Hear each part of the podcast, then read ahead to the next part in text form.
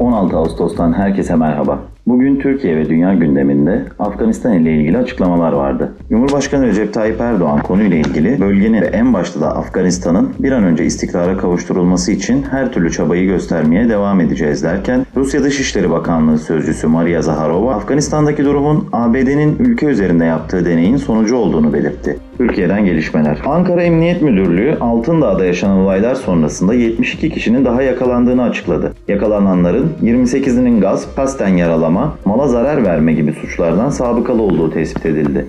Emirhan Yalçın isimli 18 yaşındaki bir genç, salı günü Ankara Altındağ'da Suriyelilerin yoğun olarak yaşadığı Battal Gazi mahallesinde öldürüldü. Şüpheli iki kişi tasarlayarak öldürme suçundan tutuklanarak cezaevine gönderildi.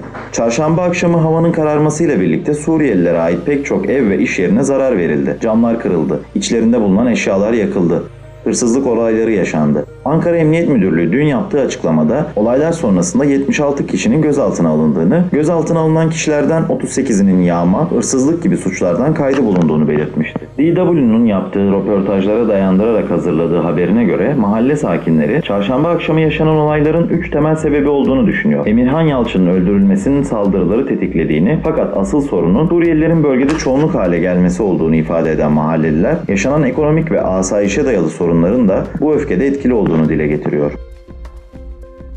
Batı Karadeniz'de sel felaketinden en fazla etkilenen yer, en çok can kaybının görüldüğü ve kayıp başvurusunun yapıldığı Kastamonu'nun 5400 nüfuslu Bozkurt ilçesi oldu. Bölgeye giden Cumhurbaşkanı Recep Tayyip Erdoğan, Kastamonu, Bartın ve Sinop'un genel hayata etkili afet bölgesi ilan edildiğini açıkladı.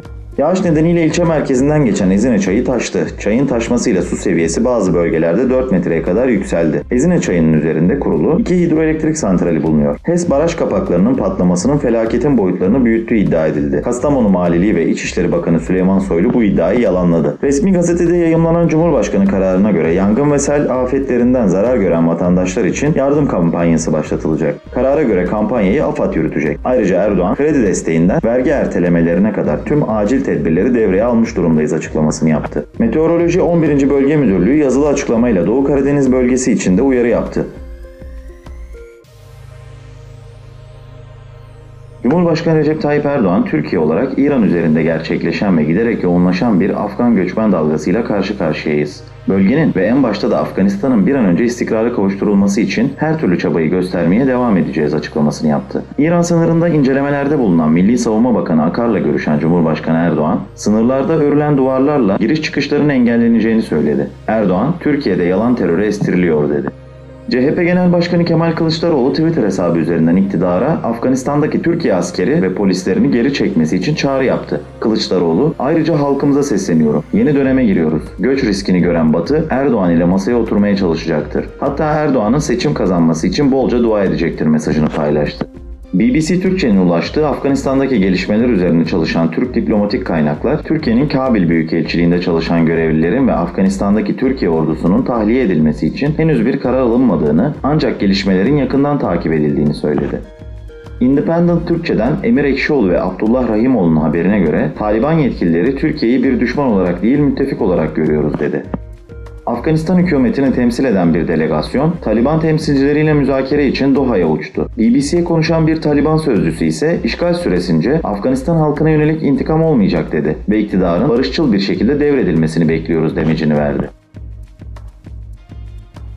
Karadeniz bölgesinde yaşanan sel felaketinde Kastamonu, Sinop ve Bartın'da 58 kişi hayatını kaybetti. Afet bölgesindeki İçişleri Bakanı Süleyman Soylu 77 kişi hakkında kayıp ihbarı bulunduğunu aktardı. TBMM Başkanı Mustafa Şentop sel felaketiyle ilgili açıklamalarda bulundu. Önce öğrenci oluşumu tarafından düzenlenen Üniversite Tercih Destek Programı'nda gazetecilerin sorularını yanıtlayan Şentop, yapılaşma ile ilgili yeniden düşünmemiz lazım. Bozkurt'ta yaşanan şeyi görüyoruz. Ezine çayının etrafındaki alanlar hasar gördü. Vefatlar orada görülüyor. Oradaki yapı yapılaşmaya izin verilmemeliydi veya insanlar da orada yapılaşmayı düşünmemeliydi. Bir iki günlük perspektiflerle, bir iki yıllık perspektiflerle bakarsak olmuyor. Bir dere yatağı belki on yıllarca sorun teşkil etmez ama yüz yılda bir kere oluyor ve bu şekilde vahim bir tabloyla karşılaşıyoruz dedi. Dünyadan gelişmeler Reuters'ın kaynaklarına dayandırdığı haberine göre Taliban, Afganistan'ın başkenti Kabil'e girdi. İddialara göre Başkan Asraf Gani şehri terk etti ve Tacikistan'a ulaştı. Birleşik Krallık Başbakanı Johnson, Afganistan'daki gelişmeleri görüşmek üzere Acil Durum Komitesi'ni toplantıya çağırdı. Rusya Dışişleri Bakanlığı Sözcüsü Maria Zaharova, Afganistan'daki durumun ABD'nin ülke üzerinde yaptığı deneyin sonucu olduğunu belirtti. Birleşmiş Milletler, Afganistan'da sivillerin ve Birleşmiş Milletler ile diğer yardım kuruluşları çalışanlarının güvenliğinin sağlanması için başkent Kabil'e ulaşan Taliban'a çağrıda bulundu. Avusturya, Afganistan'ın komşu ülkeleri için bir konferans düzenlemeye hazırlanıyor. Reuters'ta yer alan habere göre sığınmacı akınına karşı duruşuyla bilinen Avusturya, bu ay sonu ya da Eylül başında Afganistan'ın komşu ülkeleri için bir online konferans düzenlemeye hazırlanıyor. Konferansa Avusturya dışında ismi verilmeyen başka Avrupa Birliği üyelerinin de katılacağı belirtildi. Karayipler'de konumlanan Haiti'nin güneydoğusunu etkileyen 7,2'lik deprem cumartesi günü meydana geldi. En az 304 kişinin öldüğü, 1800 yaralının kaydedildiği depremin ardından Başbakan Ariel Henry bir ay süreyle olağanüstü hal ilan etti. ABD Jeoloji Araştırmaları Kurumu tarafından daha önce yapılan açıklamada merkez üssü Saint Louis du bölgesinin 12 kilometre kuzeydoğusu olan depremin 10 kilometre derinlikte kaydedildiği belirtilmişti. Dünya Sağlık Örgütü COVID-19'un kaynağının araştırılması amacıyla ilk vakalara ilişkin verilerin paylaşılması için Çin'e çağrıda bulundu. WSO'nun çağrısını reddeden Çin, virüsün kaynağını bulma konusunda siyasi çabalar yerine bilimsel çabaları tercih ettiğini bildirdi. ABD Başkanı Joe Biden, Mayıs ayında virüsün kaynağına dair bağımsız bir araştırma yürütülmesini talep etmişti. WSO Direktörü Tedros Adhanom Ghebreyesus da ilk gerçekleştirilen incelemenin yeterince kapsamlı olmadığını ifade etmiş, daha fazla veri ve çalışmaya ihtiyaç duyacağını belirtmişti. Rusya Dışişleri Bakanı Sergey Lavrov, Afganistan meselesiyle ilgili müzakere sürecinin yeniden başlatılması gerektiğini belirtti. Lavrov, Taliban'ın Afganistan'ın kentleriyle eyaletlerini ele geçirmeye devam ettiğini işaret ederek bunun kötü olduğunu dile getirdi. Lavrov, ülkedeki tüm güçlerle temaslarını sürdürdüklerini aktararak Afganistan toplumunda fikir birliğinin oluşturulmasının basit olmadığını görüyoruz dedi. Birleşik Krallık Savunma Bakanı Ben Wallace, ABD'nin Afganistan'dan çekilme kararını eleştirerek durumun Taliban'a hız kazandırdığını söyledi. Sky News'a konuşan Britanya Savunma Bakanı Ben Wallace, Afganistan'dan çekilmenin bir hata olduğunu söyleyerek uluslararası toplum büyük bir ihtimalle bunun sonuçlarını ödeyecek dedi.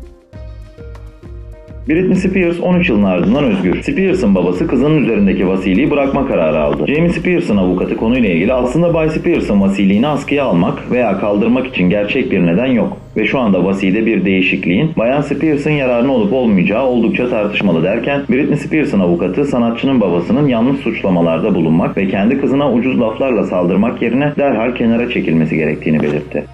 Novus'la gelişmeleri dinlediniz. Hoşçakalın.